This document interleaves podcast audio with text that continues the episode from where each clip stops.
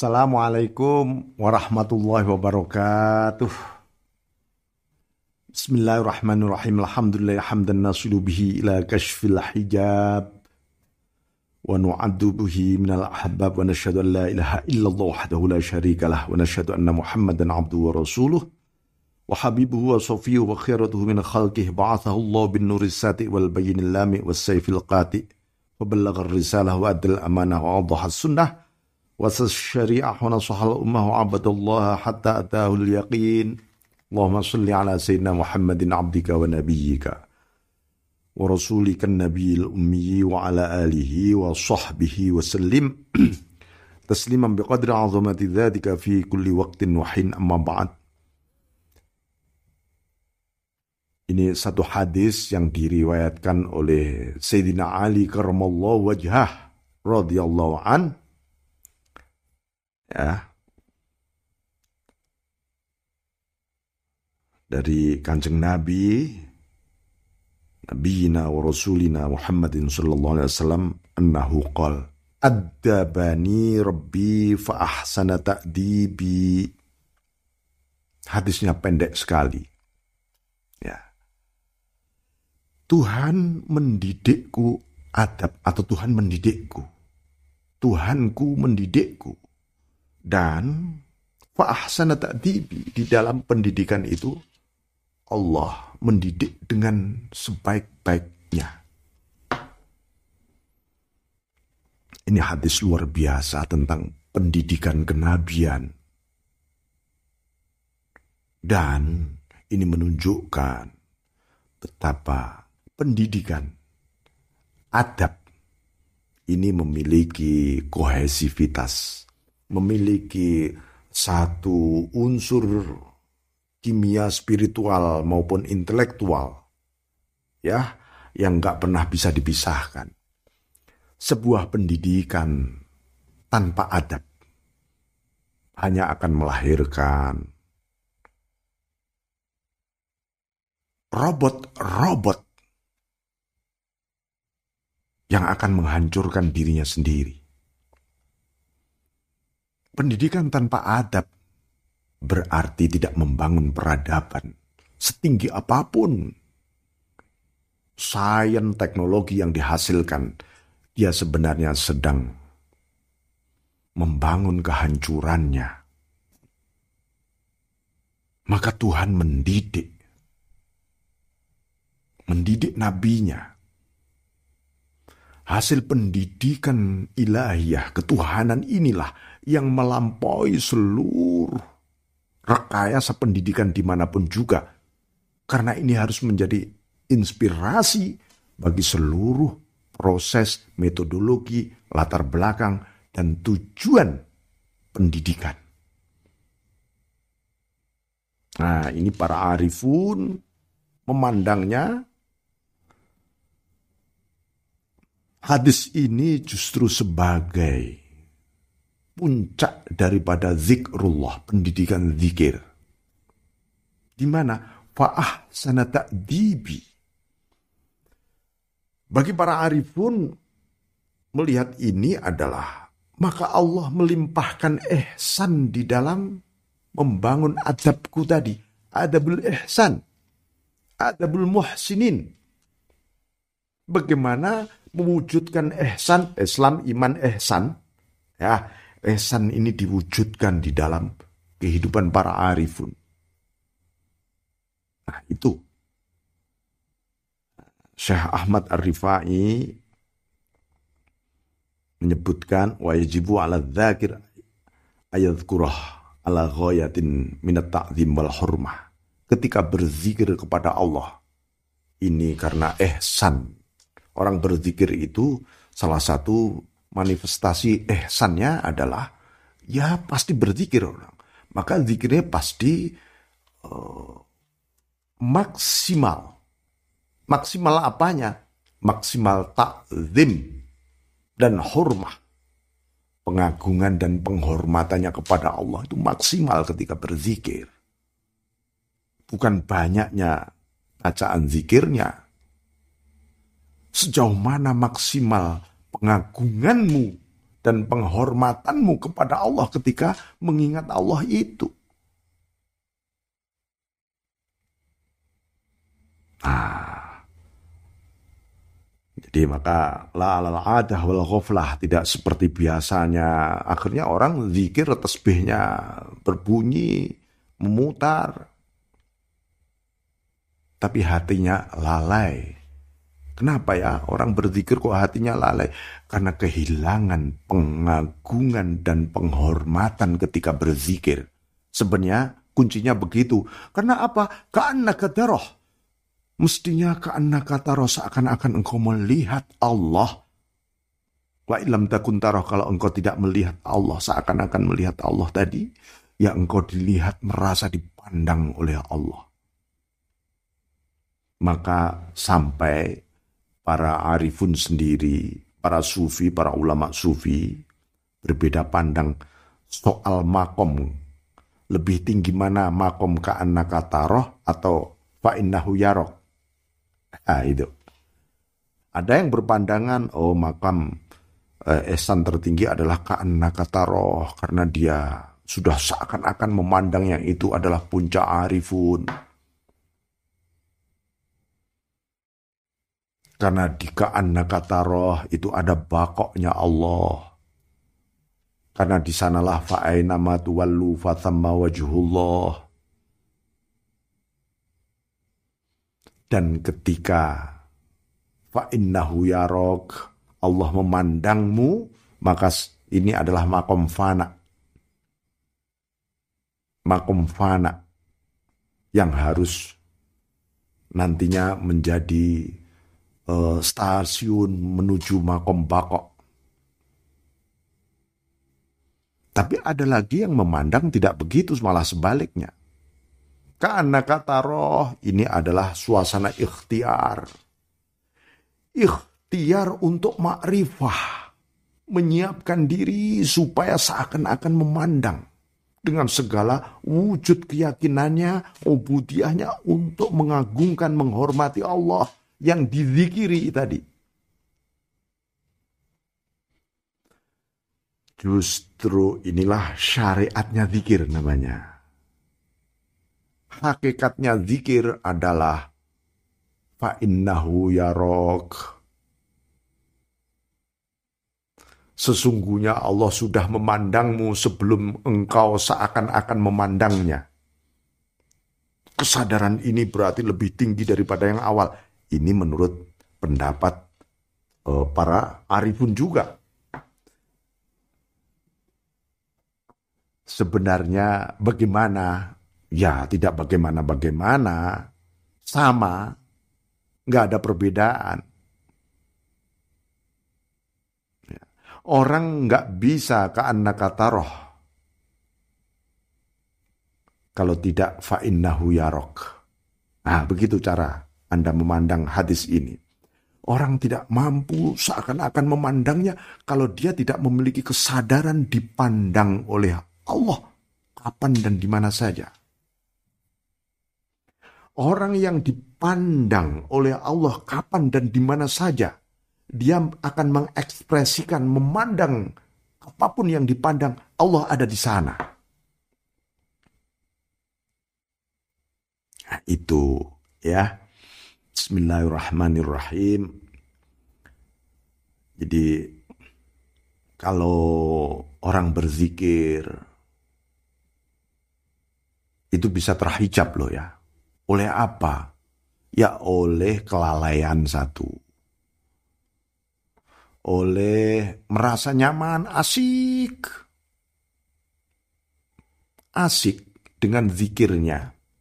Kok tenang ya, asik banget ini, asik nih. Waduh, jangan hilang nih, asiknya nih. Itu bisa membuat hijab dari al-madhkur, dari yang engkau zikiri Eh, kamu ini yang engkau pandang bukan nikmatnya zikir, tapi yang engkau zikiri itu loh. Bahwa hati orang merasa tentram dengan zikir, itu adalah anugerah Allah bagi zakirin. Kenapa? Bagaimana seseorang tidak tenang dan tentram, wong dia terus-menerus bersama Allah. Itu maksudnya.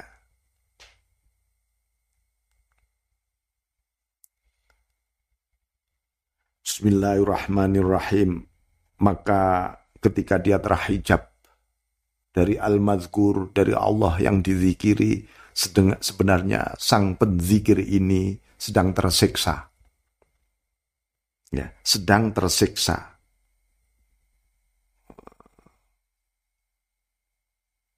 Kubatan litarki ta'zim wal hurmah.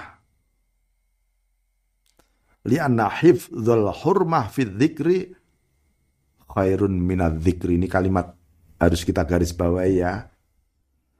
Menjaga kehormatan Allah di dalam berzikir itu lebih utama dibanding zikirnya tadi.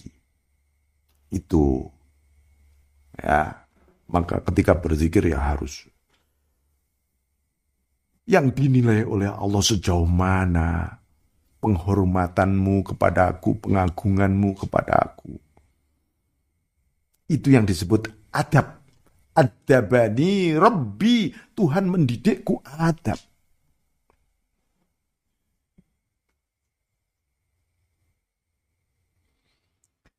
Bismillahirrahmanirrahim. Wa ma min abdin zakarahu ala tahqiq illa nasya fi jambihi dzikru ma siwah. Orang yang benar-benar mewujudkan hakikat zikir, maka seseorang itu akan lupa segalanya selain yang dizikiri sebenarnya, yaitu Allah maka latihannya maknai seluruh bacaan zikirmu maknanya apa? Maknanya Allah semuanya. Wes. Ya, maknanya Allah supaya tidak kehilangan angel ilahiyah di situ. Allah. Nanti ingat yang lain-lain muncul kembali ke Allah lagi.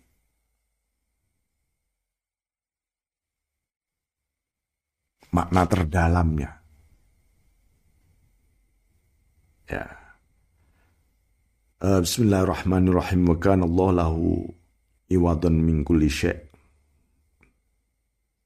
Dan Allah adalah ganti dari segalanya. Artinya nggak ada yang bisa menggantikan Allah sudah. Gitu.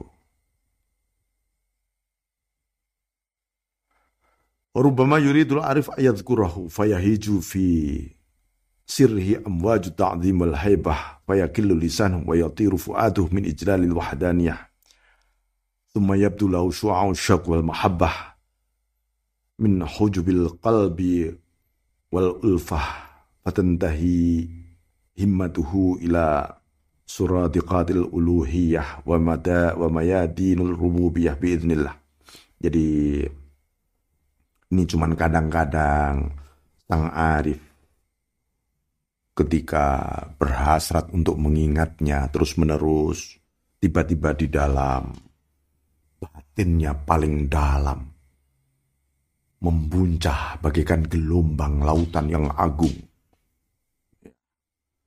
Itu adalah lautan pengagungan dan karisma ilahiyah. Lalu lesannya tercekam. Dia terbang, terbang hatinya karena pengagungan terhadap kemahatunggalan, kemahasendiriannya Allah Subhanahu wa taala. Lalu mulailah tampak di sana dari hatinya spoi-spoi cinta dan kerinduan mulai tumbuh. Dari mana? Dari tirai hati dan kelembutannya. Ya. Lalu dia memasuki satu istana-istana ilahiyah dengan medan-medan rububiyah atas izin Allah. Bukan atas hasrat dan kehendaknya sang penzikir. Ya Allah enaknya, oh, Anda membayangkan ketika zikir kayaknya alam yang aku masuk ini harusnya begini nih, mestinya kayak seperti ini. Imajinasi Anda begini. Bukan, itu kehendakmu. Kehendak Allah saja sudah, biarin. Memang dia yang memasukkan, yang mengizinkan juga dia. Biiznillah. Pasti akan terjadi.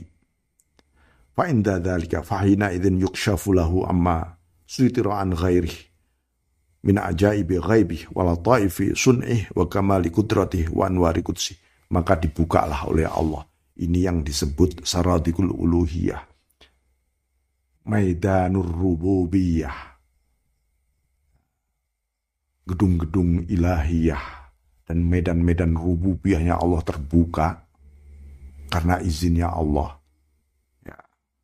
Terbuka ya isinya sesuatu yang menakjubkan, kelembutan, keagungan di balik ciptaan ilahi dan kesempurnaan sifat kuasanya Allah. Begitu juga cahaya-cahaya kesuciannya yang itu tidak bisa diungkapkan dengan kata-kata, bahkan tak pernah terdengar oleh telinga Anda, oleh mata Anda. Karena itu yang memang dari Allah. Dan Anda jangan, ya Allah kapan ya saya kayak seperti itu ya jangan juga. Oh Allah itu maunya. Allah mendidik.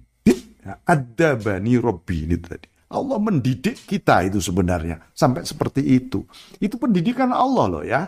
Rasulullah SAW diesrokan, dimekrojkan. Itu cara Allah mendidik hambanya yang kelak diikuti oleh seluruh umat manusia. Bismillahirrahmanirrahim. Fa inda dzalika ya'riful abdu anna Allah ta'ala yaf'alu ma yasha biman yasha liman yasha mata yasha kaifa yasha biyadihil mannu wal ata wal iradah. Maka pada saat itu sang hamba mulai menyadari bahwa Allah itu berkehendak apa yang dikehendaki oleh Allah pada orang yang dikehendaki bagi orang yang dikehendaki, kapan kehendaknya, bagaimana kehendaknya terjadi, maka di tangan Allah lah segala anugerah itu semua, pemberian dan kehendak. Maunya Allah itu bukan mau kita. Ya, nanti kalau mau kita isinya malah jadi nafsu nah, seperti itu. Kak Yahya bin Mu'ad Ar-Razi sampai mengatakan adzikru akbaru minal jannah. Zikir itu lebih agung dibanding surga. Itu sampai saya uh, apa tulis itu kalimat Yahya bin Mu'ad ar-Razi itu di sini di kitab di uh, menjelang ma'rifah eh bukan di filosofi zikir ini nanti akan kita dalami sebenarnya di situ uh, li anna dzikra nasibullah karena zikir itu bagian Allah. Anda bisa berzikir itu karena Allah mengingat Anda. Karena ingatan Allah kepada Anda lah. Tiba-tiba Anda mengingat Allah. Bukan sebaliknya. Wal jannatu nasibul abdi. Surga itu kan bagian hamba. Maksudnya bagian Allah pasti lebih agung daripada bagian hamba. Wa fi dzikri ridha Allah. Wa fil jannati ridha abd. Dalam zikir ada ridhonya Allah. Dalam surga ada ridhonya hamba. Nah, nah ini ucapan Sayyidina Ali bin Abi Talib karamallahu wajah yang luar biasa. Inna Allah Ta'ala yatajalla lidzakirina inda dzikr wa tilawatil Qur'an wala yarawna Allah itu tampil, tampak. Tampak, tajalli. Uh, pada orang-orang yang sedang berzikir, ketika sedang berzikir, orang itu. Dan ketika orang itu sedang membaca Quran, karena membaca Quran itu adalah zikrullah, sedang berdialog dengan Allah. Tapi orang-orang ini nggak ngerti, nggak tahu, tidak mengetahui kalau Allah tajalli. Lihat nawa'azu min ayyuro karena memang Allah maha agung untuk dilihat. Allah tidak bisa dilihat oleh mata kepala.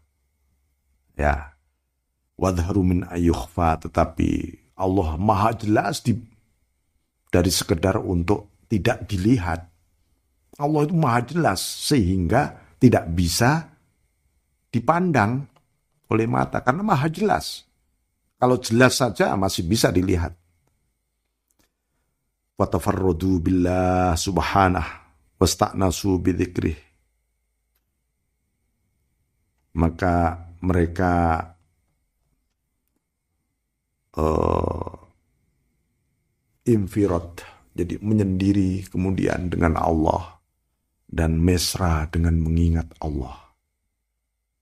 Wa ma nazarat min ahadin nazilatun wa fi kitabillah dalil. Segala sesuatu yang turun ya pada seseorang pasti ada dalilnya, buktinya di Al-Qur'an. Minal huda wal bayan berupa. Jadi begini. Orang-orang ahlu zikr itu sering kali di, diilhami langsung oleh Allah, dibuka Dan di sana tidak disebutkan, oh ini rahasia Allah begini-begini, dalilnya mana, Qurannya mana, hadisnya mana, nggak disebutkan. Tapi kalau dicari pasti ada. Itu loh. Ya.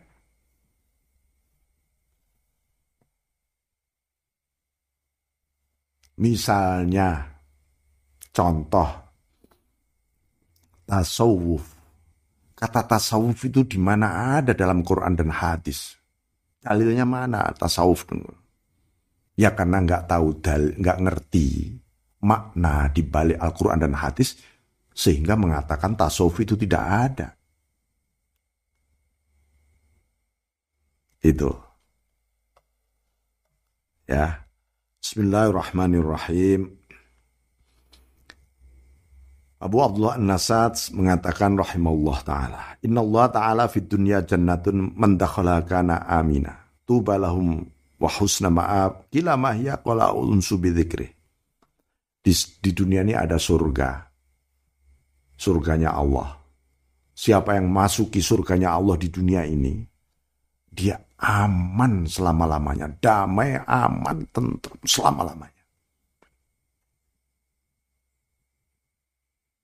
Dikatakan itu apa, wahai guru? Al-unsu bidzikri. Bahagia bersama Allah ketika dia berzikir.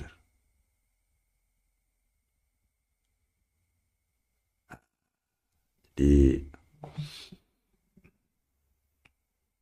jadi ini tentu puncak daripada zikrullah luar biasa. Bahkan para ahli zikir disebutkan di Al-Quran, Innalladzina taqaw idha massahum ta'ifun minasyaitan tadhakkaru faidahum mubsirun. Ya. Orang-orang yang takwa kepada Allah ketika didatangi, disinggung, disentuh, digoda oleh setan, segerombolan setan, ya, apa yang terjadi? Langsung mengingat Allah. Ini karena kepekaan dia dengan Allah.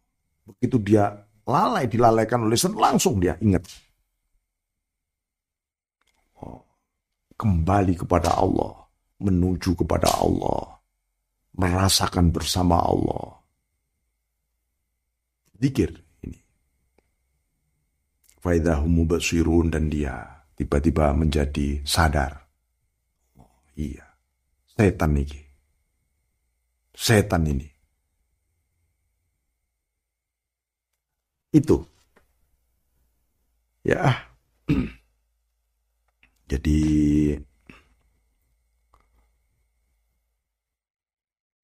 maka Ibnu Abbas radhiyallahu an mengatakan mamim mukminin illa wa ala qalbihi syaiton idza dzakarallah khannasa wa idza nasyallah waswasa. Jadi di dalam hati orang beriman itu ada setan ya. Ketika hati orang itu berzikir, khonnasa, lari itu setan. ya, tersiksa setan itu. Maka disebut waswa waswasil khonnas itu kan di situ. Setan yang terus uh, menggoda. Maka godaannya sirna. Wa Allah waswasa. Ketika orang itu mulai tidak berzikir hatinya, udah dia bermain di hati seseorang.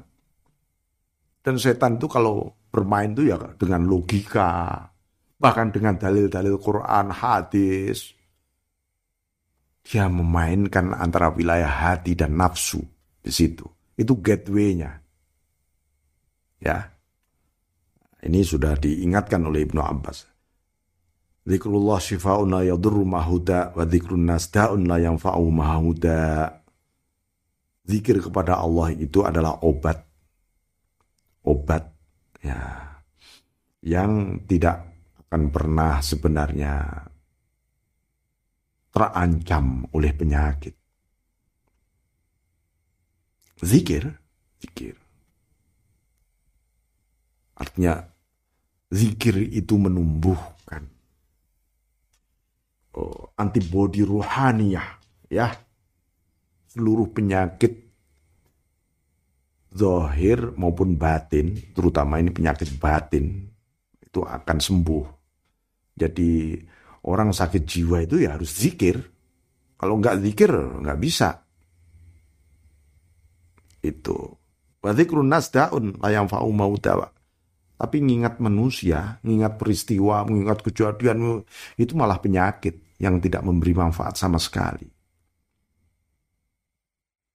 Ya, ada orang itu timbul penyakitnya hanya gara-gara ingat sebuah berita, Ingat sebuah peristiwa, ingat kejadian, trauma.